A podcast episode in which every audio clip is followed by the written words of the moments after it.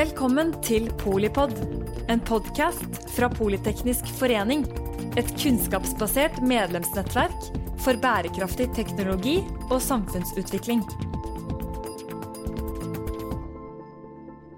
Ja, velkommen til eh, dette møtet i Politeknisk forening, som handler om tvunget psykisk helsevern, juridisk grunnlag, dagens praksis, og om det er behov for endringer eller lovendringer for å få optimalisert uh, tiltak på dette feltet.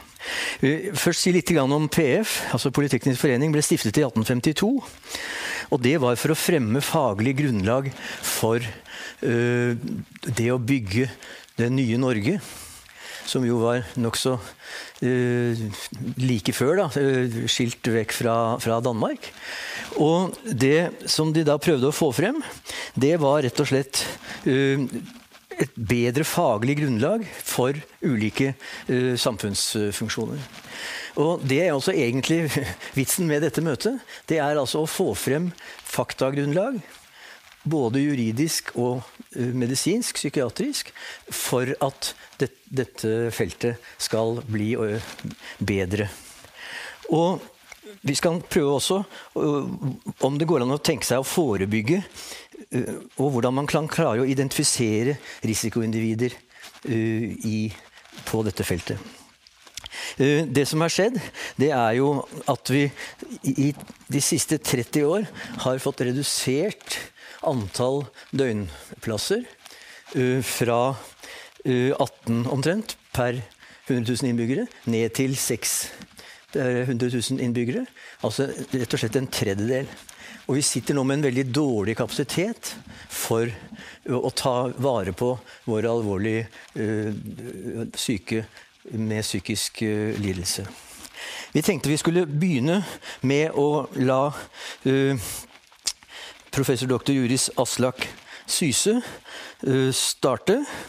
Og så vil psykiater Randi Rosenquist kommentere og fortsette. Og så vil disse da veksle seg imellom. Og så skal jeg prøve å komme inn med noen tall og med noen spørsmål, og så ser vi hvordan dette utvikler seg. Så vær så god, Aslak Syse. Ja, takk skal du ha.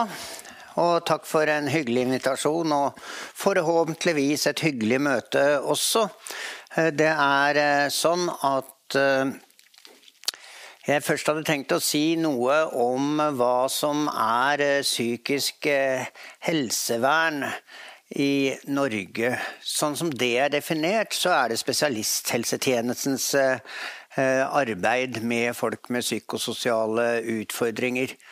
Det skjer i en stor utstrekning på sykehus, men etter hvert har det blitt langt mer polikliniske møter mellom behandler og pasient. Det skjer i stor grad ved det som heter distriktspsykiatriske sentra. Og så har det vært eh, da en parallell nedbygging av antall sykehussenger eh, når eh, denne polikliniske virksomheten er blitt utvida. Det er likeledes sånn at det finnes to lovverk som kan føre folk inn i den institusjonelle helsetjenesten på dette feltet. Det ene, som da er hovedloven, er lov om psykisk helsevern. Den regulerer både frivillige innleggelser og innleggelser som skjer mot pasientens vilje, noen ganger også mot pasientens motstand. Det er de frivillige innleggelsene som er de hyppigste i Norge. Og det er jo godt, for å si det på den måten. Da er det mest fag og minst juss. Da blir det som i somatikken. Hvis folk mener at eh, de trenger behandling, og behandlingssystemet eh, sier ja, det trenger du, eller det kan vi tilby omtrent det du ønsker, og da den behandlinga skjer, så er det ikke mye juss i dette. Det er eh, to steder hvor jussen kommer tungt inn på dette feltet. Det er når folk ønsker behandling og ikke får det. Og det har jo vært dokumentert at det nå er lange køer av folk som er henvist til spesialisthelsetjenesten. Og ikke bare er køene lange, men ventetiden er lang. Og spørsmålet er om man da får oppfylt sine rettigheter. Det er et juridisk spørsmål. Det andre juridiske spørsmålet, som er mer sentralt for det vi snakker om i dag, det er jo at folk ikke ønsker behandling, men samfunnet da gjennom psykisk helsevern, som er den offentlige tjenesten, mener at vedkommende skal ha behandling, enten vedkommende ønsker det eller ikke. Da er vi direkte over i tvangspsykiatrien. Dette er regulert i den loven som jeg nettopp nevnte, nemlig lov om psykisk helsevern. I tillegg til denne loven så kan folk som oppfattes å være farlige og har begått alvorlige lovbrudd, dømmes til tvungent psykisk helsevern gjennom straffelovens bestemmelser. Mange land har denne todelingen mellom en sivil psykiatri og en eh, strafferettspsykiatri. I mange land er disse helt atskilt, sånn at strafferettspsykiatrien har sine egne institusjoner med stor vekt på sikkerhet, mens da sivilpsykiatrien har andre og mer åpne typer institusjoner. I Norge har vi det sånn at vi har felles institusjoner uansett eh, hvilket eh, grunnlag du kommer til psykisk helsevern med. Det er egne kapitler i psykisk helsevernloven om rettsstillinga til de straffedømte, men også den øvrige lovgivninga gjelder. Sånn at dette er liksom et riss av det hele. Det er flest frivillige innleggelser i Norge. Det er flest personer som tvangsinnlegges etter psykisk helsevernloven, og det er en del personer som er straffedømt til psykisk helsevern. Så kan jo du si litt Randi Rosenquist, om din vurdering fra faglig side på hvordan folk har det i psykisk helsevern. Ja, det varierer vel hvordan folk har det i psykisk helsevern. Men jeg vil gjerne presisere litt av det du sier. Du sa de er straffedømt til tvungent psykisk helsevern. Jeg er veldig opptatt av at selv om det er straffeloven som regulerer dette, så er ikke psykiatrisk behandling noe straff. Det er domstolen som bestemmer at denne pasienten, denne utilregnelige personen, som har begått en alvorlig voldshandling, og som man er redd for skal gjøre en ny alvorlig voldshandling, han skal helseforetaket ja, Helseforetaket blir dømt til å gi vedkommende adekvat behandling, hvor også samfunnsvernet blir ivaretatt. Og jeg pleier jo av og til å si litt på fleip, men, eller for å provosere, at det er i prinsippet ikke noe annerledes å behandle en schizofren pasient som har drept moren sin, enn en schizofren pasient som ennå ikke har drept moren sin. Begge skal ha god oppfølging, hvor sykdommen skal behandles. Og øh, Det, det syns jeg er viktig, og det er grunnen til at vi har felles institusjoner også.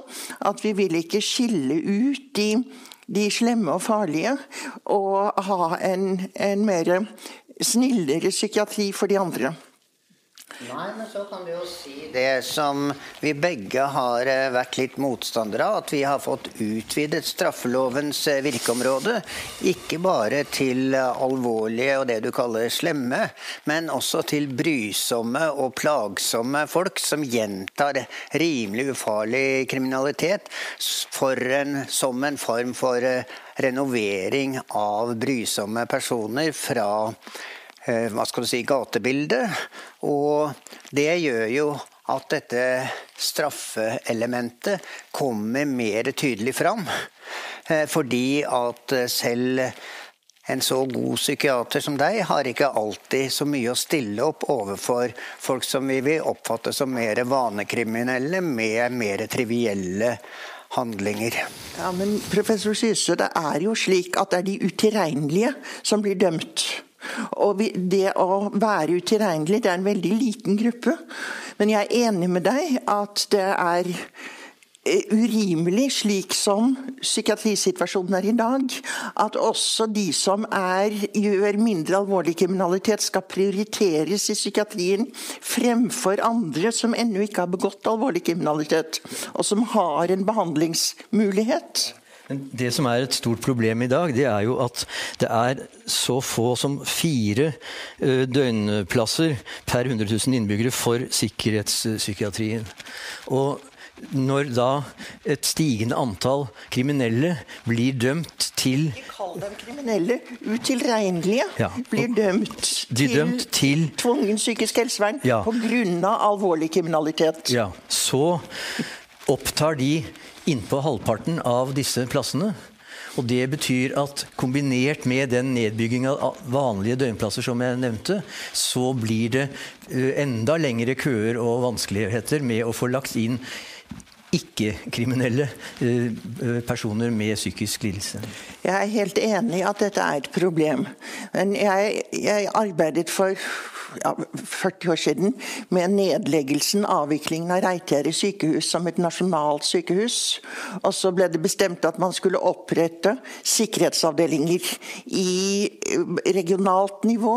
Oslo, Bergen og Trondheim og etter hvert også Tromsø. Og fylkeskommunale sikkerhetsavdelinger på lavere nivå.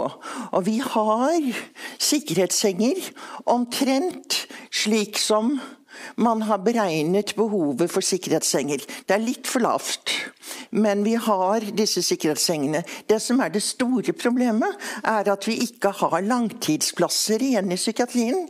Slik at folk som ikke trenger en spesielt dyr sikkerhetspsykiatri, kunne få en trygg oppfølging gjennom lengre tid i en langtidspsykiatrisk avdeling. Så på den måten så har vi i dag en flaskehals i sikkerhetsavdelingene fordi at pasientene kommer ikke videre. Jeg er helt enig i det Randi Rosenquist eh, her sier. og Det er jo også slik at når antall sengeplasser er bygd ned, og samtidig folk som av sikkerhetsmessige grunner krever lengre tids opphold, så blir det kortere tid på de som har et behandlingsbehov, og godt mulig også kunne blitt godt hjulpet med lengre tids opphold. Og det har jo vist seg nå at eh, det er en økende grad av eh, svingdørpasienter ved at folk får for kort opphold, for dårlig oppfølging og blir på nytt eh, akutt psykotiske og må innlegges på nytt igjen.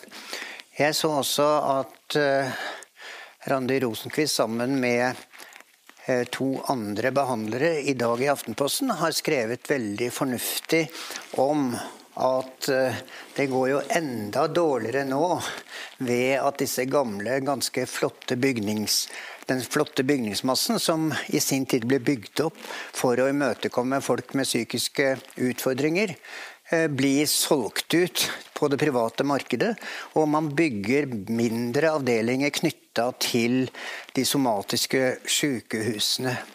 Her i Oslo er jo Gaustad alvorlig truet.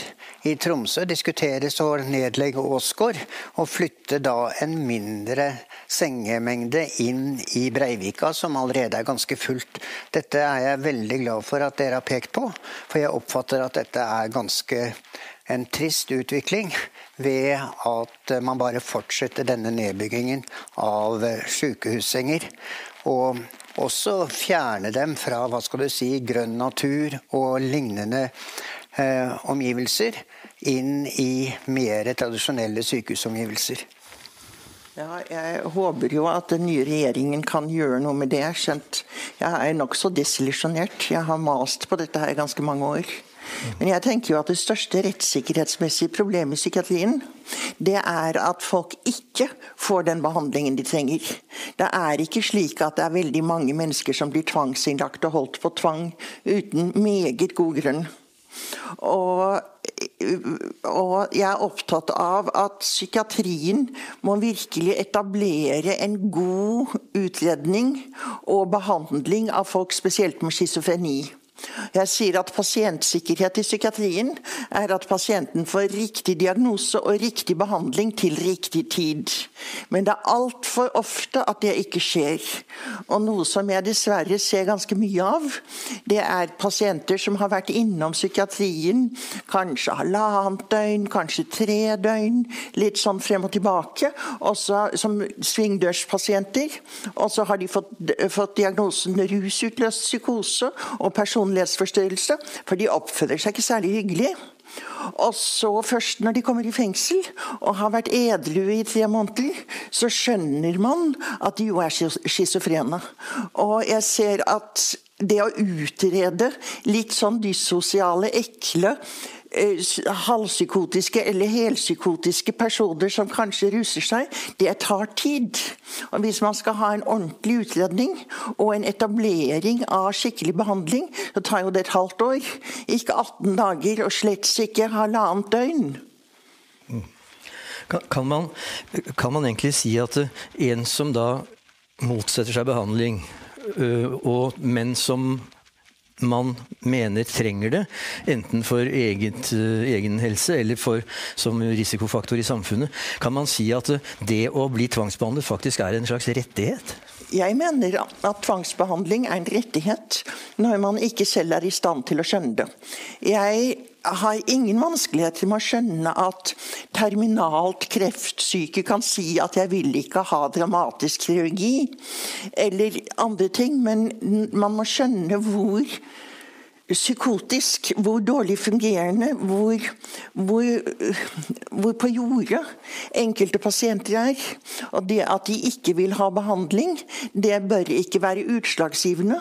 Fordi at samfunnet er forpliktet til også å gi dårlig fungerende, øh, psykisk handikappet god utredning og hjelp. Jeg vil ikke gå så langt som eh, Randi Rosenquist til å si at det er en menneskerett å bli tvangsbehandlet eh, sånn in blanco. En og annen gang, og jeg tror vi møtes eh, ganske tett når det gjelder alvorlige spiseforstyrrelser hos unge jenter, som jeg mener er veldig legitimt hvis de er på vei til å dø av sin sykdom og blir styrt av sin sykdom, at man da griper inn fra samfunnets side og ikke lar disse dø. Når det dreier seg om eh, all tvangsbehandling, så er jo noe av dette, bl.a. tvangsmedisinering, noe mer omdiskutert. Og det fins jo personer som har vært eh, tvangsmedisinert, og som etter hvert har kommet seg eh, ut av psykiatrien, som de ville kalle det, og som da vil mene at blir de dårlige igjen, så er det greit med en tvangsinnleggelse, men det er ugreit med tvangsmedisinering. Det er viktig å også ta med seg de pasientstemmene som er på dette området. Og i Norge har de fått ganske stor gjennomslagskraft, som vi vet. Og det er jo noe av bakgrunnen for de regelendringene som skjedde i 2017. At det var sterkt ønska av ulike pasientgrupper, som slett ikke vil mene at uh, tvangsbruk er en menneskerettighet. Jeg syns vi skal være veldig forsiktige, og det er jeg ellers også, med å bruke ordet menneskerettighet som noe som er løsningen eller gi svaret på vanskelige avveiningsspørsmål. Jeg brukte ikke ordet menneskerettighet, men jeg brukte en rettighet i, etter pasient- og brukerrettighetsloven. Men jeg tenker at spesielt når en sykdom begynner, når den utvikler seg, når man kan stanse en, ennå en, en veldig dårlig utvikling, så mener jeg definitivt at man må kunne få en adekvat behandling. Og da mener jeg en behandling over noen år. Det er en annen sak hvis du har levet med din sykdom i 20 år og har hatt et om ikke et brukbart liv, så iallfall et akseptabelt liv. Og vet om behandling og har kontakt med poliklinikken og ikke vil ha medisiner hvis du blir dårligere igjen. Der er jeg mer enig med deg. Men jeg syns det er så sørgelig at man ikke ser på schizofreni som en alvorlig hjerneorganisk lidelse som man faktisk kan behandle i de aller fleste tilfeller. Og jeg syns det er viktig å understreke at av schizofrene så er det minst en tredjedel som blir veldig bra. Og så er det en tredjedel som vil ha behov for sykehusinnleggelse av og til. Og så er det kanskje 20% som vil ha et kronisk ganske dårlig forløp. Men hvis man kommer med litt statistikk igjen på dette her, da. Internasjonale tall sier det at mellom 5 og 20% av alle drapsutøvere har en schizofrenidiagnose. Og da, Det er jo ganske skikkelige tall. Og det er jo også sånn at eh, de drapsmenn som har da ø, psykose Der 70% av drapsmenn med psykose de har rusmisbruk som utløsende uh, faktor. Og, og, da blir det jo Hvordan kan man da på en måte behandle dem, og så blir de rusfrie, og så blir de normalisert, og så slippes de løs, og vil, hvis de da ruser seg igjen, så er, er man jo like langt. Det er nettopp det som er problemet. Og jeg må jo si at det er sånn omtrent 20 av drapsmenn i Norge også som blir funnet utilregnelige. Og, og jeg er jo blitt spurt tidligere at her har psykiatrien eh, spilt fallitt. Men så tenker jeg det er jo egentlig veldig bra å bo i et land hvor for å begå drap, så må man være psykisk ganske marginalt fungerende. Tenk om vi hadde bodd i et land hvor alle drapsmenn var tilregnelige og reflektert og syntes at det var rett og rimelig å drepe. Slik at eh, Hvis man ser på drap som den mer ekstreme forbrytelsen, så syns jeg jo at mange psykiatriske pasienter burde ha fått bedre behandling og kanskje sluppet å komme opp i en slik situasjon. Men, men det som jeg er mye mer opptatt av, er jo at det er mange schizofrene som har en veldig dårlig livskvalitet. Og hvordan noen ganske få som da kommer inn i en alvorlig voldsepisode. Men hvis man ser igjen på antall drap, da, så er vi heldigvis uh, har vi et veldig lavt antall drap i Norge. Det er ca. Uh, 0,5 per 100 000 innbyggere. Vi skal ikke lenger enn til Sverige før det er uh, over 1 per 100 000 innbyggere. Og USA, der er det vel omtrent 5. Sånn at det, det er vi har, vi har en sånn sett en rimelig god situasjon her, selv om det da tidvis da kommer opp dessverre episoder som eh, man gjerne skulle eh, sett eh, ikke var der. Det er jo viktig å understreke at hva skal du si, partnerdrap er viktigere og, og ofte vanskeligere å forebygge enn personer som oppfattes generelt å være marginalt fungerende. Det er jo sånn at Drap heldigvis begås sjelden i Norge, som begge dere har understreket. Og jeg er veldig enig med Randi Rosenquist at det skal jeg være veldig glad for. Og at det heller ikke er oppstått skal man si, den type uh, skyte- og drapsepisoder som for tiden er i vårt uh, naboland, for ikke å snakke om den skoleskytinga som har uh, tatt av i USA. Og Noe av dette skyldes jo det at det er en alminnelig bra tillit mellom eh, folk i Norge. Det er bra tillit mellom pasienter og helsevesen også. Og det er rimelig bra tillit eh, mellom ulike samfunnsinstanser. Det er jo eh, like fullt litt trist da at den eh, nye regjeringa har jo lagt fram Hurdalsplattformen. Og der går veldig mye av den innsatsen som skal gjøres når det gjelder psykisk helsevern, til kommunehelsetjenesten. Det er veldig bra i og for seg, men det mangler da eh, vesentlige elementer når det dreier seg om det vi nå snakker om, nemlig en solid nedbygd spesialisthelsetjeneste. Og det ser ikke ut som det er et prioritert område for regjeringa.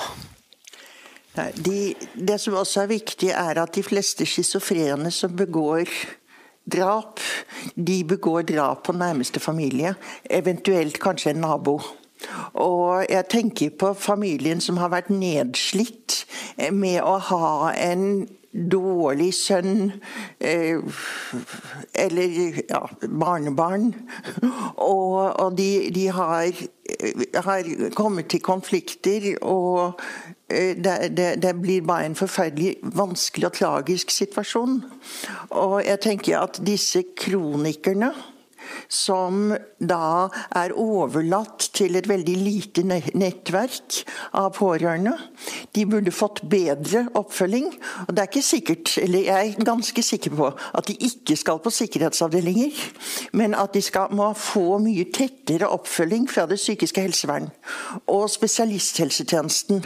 Og så får kommunehelsetjenesten ta seg av lett lettere psykiske plager, som sikkert kan være plagsomme nok for de som har det.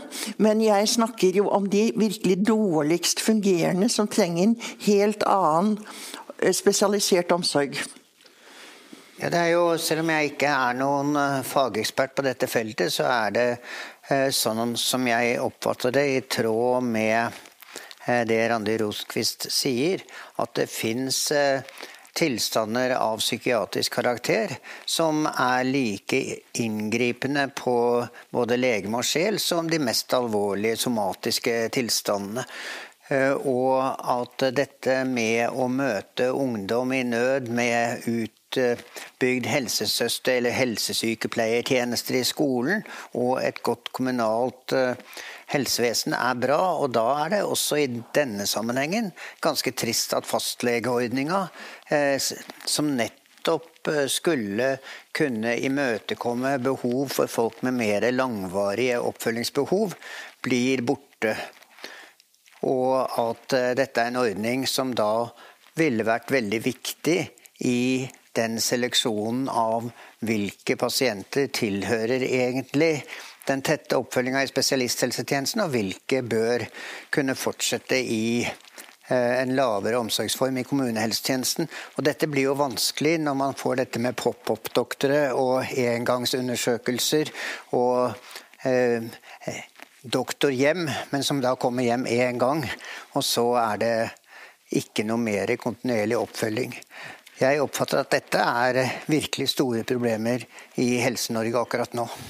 Ja. Politisk så, så, må vel politikerne forstå at uh, pakkeforløp og kjappe terapitilbud uh, med krav til samtykke ofte ikke er så egnet for alvorlig psykisk syke. Ja, jeg skulle ønske de skjønte det. Men det, en ting som jeg også syns er litt bekymringsfullt, er at psykiatrien blir jo kritisert Enten så gir de for mye tvang, eller så gir de for lite. Og, og det er ikke populært å, gå til psykiater eller være psykiater.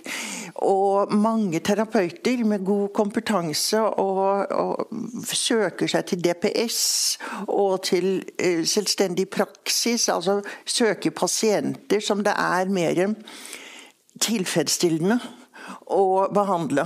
Og jeg som har holdt på med aggressive menn, psykotiske og for så vidt tilregnelige, men ganske avvikende menn i hele mitt yrkesliv, jeg ser jo at du får ikke særlig gratifikasjon av det. Og, og, jeg er bekymret for Du er jo blitt kommandør av St. Olav. Ja. Jo da, så kongen, kongen likte det. Men, men det, det, er noe med at jeg er bekymret for rekrutteringen til psykiatrien. For de dårligst fungerende eh, pasientene. Fordi at det er så mye lettere å være en hyggelig doktor som gir frivillig behandling til folk som plages, og som definitivt har nytte av behandling. Der er jeg også enig med deg, Randi Rosenquist. og av, noe av det som holder på å skje på lovverket for tiden, er jo en stadig økende dokumentasjonskrav av dette og hint, som da fører hva skal du si, en faglig samtale over til en juridisk, eh, juridisk binding av Først av skrivemåten og etter hvert av tankemåten. Sånn at eh, man kan også se for seg at noen av de som slutter i offentlig psykisk helsevern, også slutter fordi de har lyst på å være ordentlige leger, og ikke være oppboten på den måten man eh, er. Og som eh, da, altså, etter mitt syn, den nye foreslåtte lovgivninga bare vil øke dette kravet på juss inn i den kliniske hverdag. Dette får betydning for journalføring, det får betydning for overlevering av eh, informasjon om pasienter. Det er viktigere å fatte et vedtak som står seg, enn hvilken behandling pasienten får. Ja, jeg er enig med deg, og jeg syns at det er trist. Og jeg håper iallfall at den nåværende regjeringen har vett nok til å legge dette tvangsbegrensningsutvalgets lovforslag i skuffen. Ja, det, eh, det, er altså et eh, forslag som har vært ute på høring, og det er kommet inn 44 eh, betenkninger rundt det. Og de fleste av fagfolkene advarer mot å gjøre det vanskeligere å kunne bruke, bruke tvang. Men noe som, jeg, som, det virker som eh, er, et problem her. Når man har bygget ned langtids eh, døgnplasser, så har man jo ikke noe sted å, å gjøre av, av, de pasientene som er alvorlig syke. Og, og, det vil jo da eh, reflekteres ned i hele systemet, og, og de vil da bli dyttet ned til folk på kommunehelsenivå som ikke har den kompetansen som faktisk kreves for å ha omsorg og behandling for disse pasientene.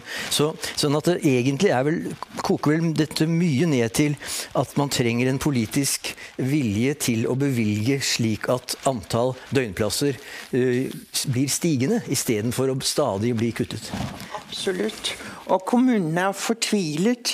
Jeg har fått i høst henvendelser fra tre eller fire kommuner hvor de sier at dette, dette klarer de ikke. Én ting er hva det koster av penger, men de har ikke kompetansen. Og de har heller ikke hjemlene til å gi beboerne en trygg tilværelse. Fordi at hvis beboeren skal ut og ruse seg om natten, og så blir han psykotisk av det, så må da kommunen si ja vel, du har lov lov til å gå ut, vi kan ikke stanse deg det, men vi, vi foreslår at du ikke gjør det. Men det bare holder ikke. Men hvordan, hvordan, kan man få, få forbedret samarbeidet liksom mellom, mellom øh, ja, altså PST, politi, psykisk helsevern, kommunehelsetjenesten? Altså for å kunne ja, identifisere eh, risikoindivider, eh, sånn at man er i stand til å fange dem opp før eh, katastrofen? Jeg kan fortelle at jeg har i går og i dag hatt telefoner fra en pårørende, en, en kommunelege og en politietterforsker vedrørende en person som går rundt og er truende og har av og til viftet med kniv. Og så blir han lagt inn i psykiatrien kort tid, og så kommer han ut igjen, og så er det samme runden en gang til. Og alle er fortvilt. Og jeg er veldig opptatt av at man må få strukturert samarbeidet mellom politi og psykiatrien. Og jeg tror ikke at helsepersonelloven står i veien for at helsepersonell, når det er vektige samfunnsmessige grunner til det, kan gi medisinske opplysninger til politiet. Og politiet kan gi, kan gi opplysninger til psykiatrien om hvordan vedkommende faktisk oppfører seg ute. For det vet jo ikke psykiateren som sitter på avdelingen. Og vi trenger et tettere samarbeid. Og de, de, vi har hatt det i Oslo, Bergen og Trondheim gjennom noen år, og det har hjulpet. Man gjør psykiatrien mer oppmerksom på hvordan verden utenfor det psykiske helsevern ser ut. Og det hjelper, hjelper også politiet, for de det, det, hender jo av og til at de tror at en person er utilregnelig, at de ikke kan gjøre noen ting. Men hvor det kan bli avklart at her er det faktisk en person som kan, som kan gjøre strafferettslig ansvarlig. Jeg har bare lyst på å kommentere det som Randi Roskvist sier. Jeg oppfatter at eh, helsepersonells taushetsplikt og politiets taushetsplikt er veldig forskjellig. Helsepersonell har en profesjonsbestemt taushetsplikt som gjør at i utgangspunktet veier taushetsplikten veldig tungt, og det skal være lovhjemler for eh, helsepersonell å videreformidle informasjon. Dette bygger bl.a. hele helsevesenet på at man skal kunne gå til doktoren og kunne fortelle det aller meste uten å risikere at dette er informasjon som bringes eh, videre. Politiet har en helt annen taushetsplikt. De har det som jeg da kaller en opportunistisk taushetsplikt. Politiet kan gi den informasjonen de måtte finne på å gi, i håp om at andre plaprer med det de vet. Det er altså når politi og helsepersonell møtes, så møtes folk med helt ulike normative bindinger på hva de har å si. Og Det er jo det man ser i samband med disse episodene som har vært i det siste, at det er politiet som uttaler seg, for det er de som har mulighet til å gå ut med informasjon. Mens eh, helsepersonell er mer botten. Og jeg er av den oppfatning at det er veldig greit at eh, helsepersonells taushetsplikt blir opprettholdt i veldig veldig stor utstrekning. Fordi at dette har med tillitsforhold mellom pasienter og helsepersonell å gjøre. Jeg skjønner det. Og jeg mener jo ikke at helsepersonell skal plapre til politiet om alt mulig rart.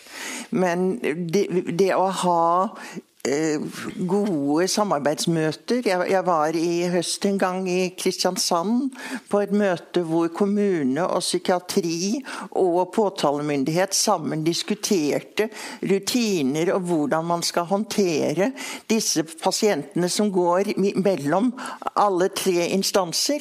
Og det var, virket veldig konstruktivt. Og jeg tenker i enkelte saker, hvis politiet da henlegger saker fordi at de mener at en person er utilregnelig pga. en rettspsykiatrisk vurdering som ble gjort for åtte år siden, så kan det jo øh, Og politiet begjærer vedkommende innlagt, så vil jo politiet være en, ha partsrettighet til å få høre hvorfor sykehuset eventuelt ikke vil ta ham imot eller skrive ham ut. Og dette er helt legitimt. Ja, det, det er helt enig. Det som er lovlig på dette feltet, er legitimt. Det er jeg helt enig med deg i.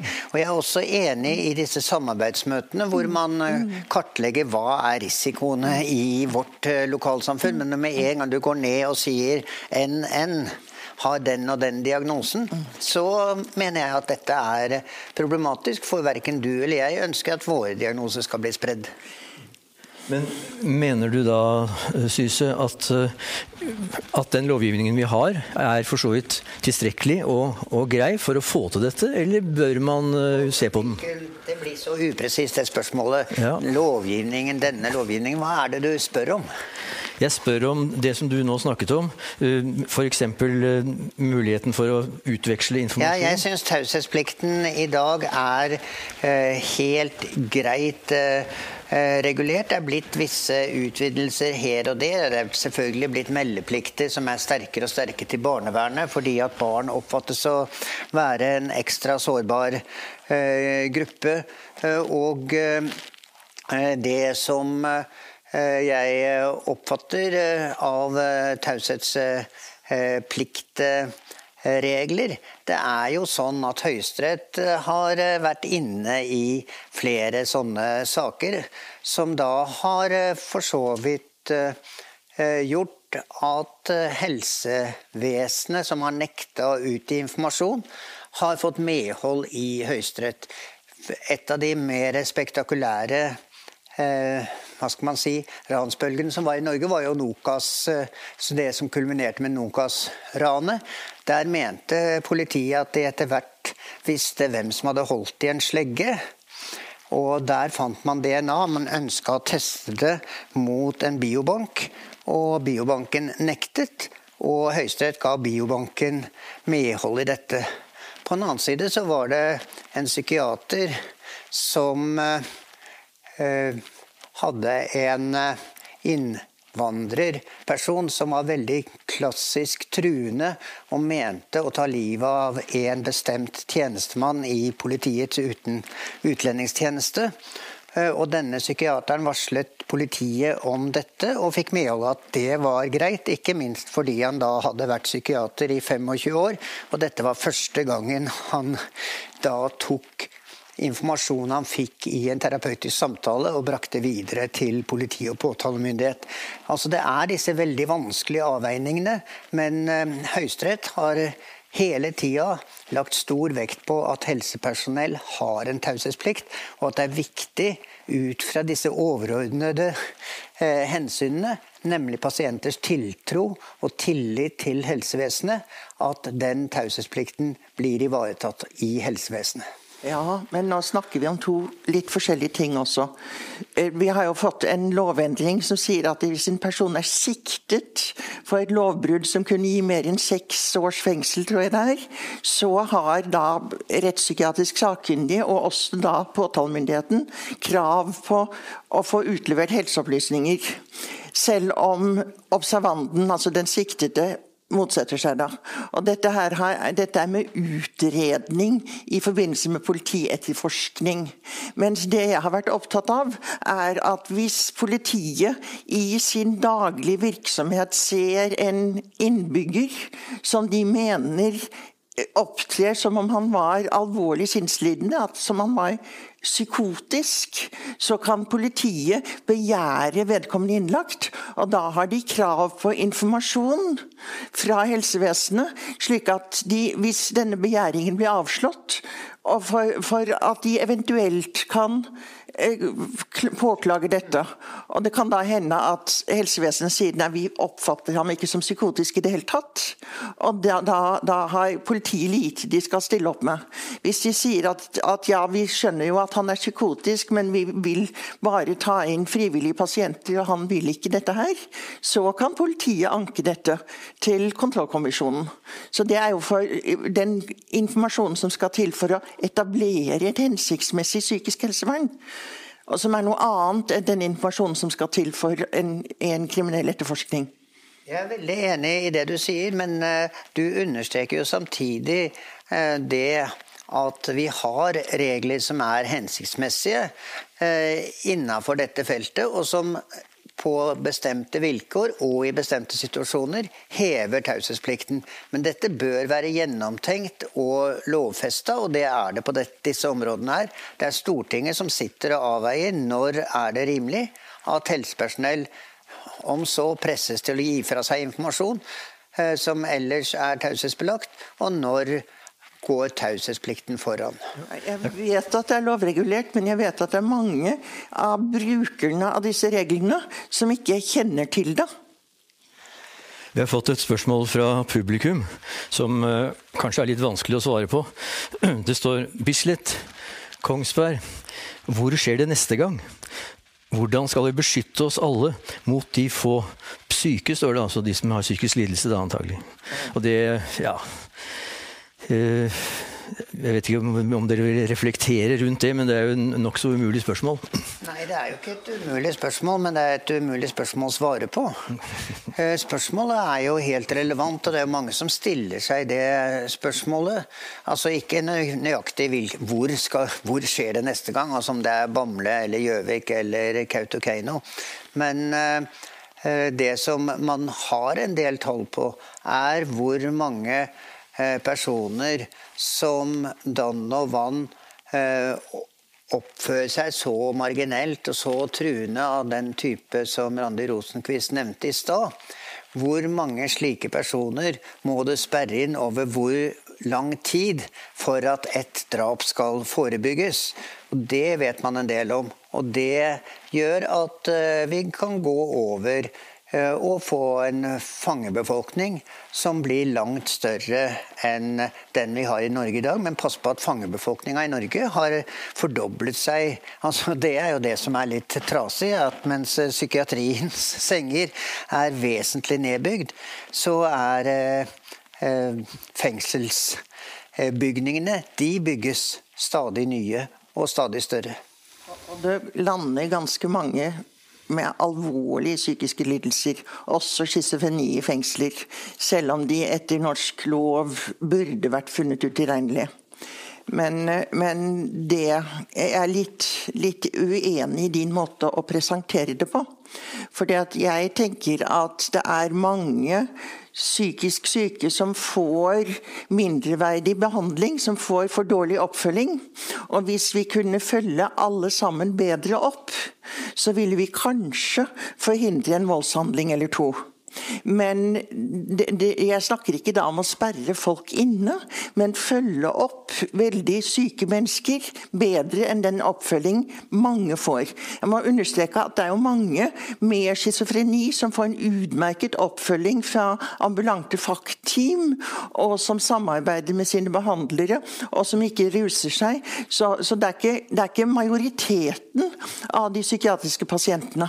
Men det er eh, Hvis man er er, har en schizofreni og har en veldig dårlig mestringsevne, så trenger man bedre helsehjelp. Ja, jeg er veldig enig i det du sier, selvfølgelig. Fordi at eh, det er nettopp svikt på disse områdene som dreier seg om oppfølging, om det er fra kommunehelsetjenesten eller fra poliklinikken. Og det er da en konsekvens av at man ikke får langvarig og tilstrekkelig oppfølging og behandling i institusjonene mer. Hvis vi da skal kanskje nærme oss en slags avslutning eller konklusjon så vidt eh, sånn som jeg oppfatter dette, da, så, så, er egentlig mye av problematikken at det er altfor få langtidsplasser som gjør at man derved ikke får utredet og behandlet de som, uh, som har problemene. Og når de da stadig blir uh, skrevet ut igjen, så blir de bare lagt inn, og så belaster de hele systemet uten at de, de egentlig blir uh, så godt behandlet og, som de kunne kunne. Er det en rimelig ja. Absolutt rimelig. Ja. Og så tenker jeg også det er en ting til at siden 90-tallet, 1990 da vi hadde tre ganger så mange senger som nå, så er rusmisbruk øket betraktelig. Og også pasienter med en psykoselidelse som ruser seg. Det er noe heller regelen enn unntaket. Og det gjør behandlingen enda mer komplisert enn det, var for, for, 40 år siden, da, da schizofrene pasienter stort sett ikke ruset seg. Men, så da skummer det egentlig ned igjen til altså en, en alvorlig anmodning om eh, politisk vilje til å bygge ut eh, døgnplasser for alvorlig sinnslidende.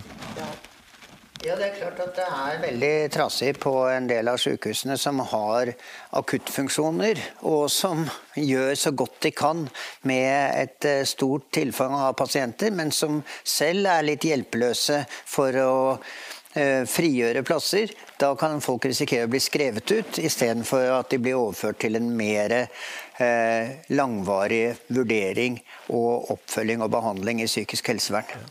Jeg får jo også da, med den konklusjonen som vi nærmet oss nå, da, uh, si at jeg er veldig skuffet over at verken helseministeren eller justisministeren fant tid til å komme hit i kveld. Og heller ikke å sende noen fra sine respektive departementer. Slik at uh, det sitter nok langt inne å få uh, disse ressursene som vi nå etterlyser. Jeg får håpe de ser på det på, på video, da. Ja. Da vil jeg gjerne takke professor Syse og psykiater Rosenquist for at dere stilte opp her. Og jeg syns eh, vi var innom det aller, aller meste av det som dette feltet egentlig tilsa. Tusen takk. Takk for at du lyttet til Polipod fra Politeknisk forening. Få med deg flere episoder, eller bli med på nettverksmøtene som du finner på at polyteknisk.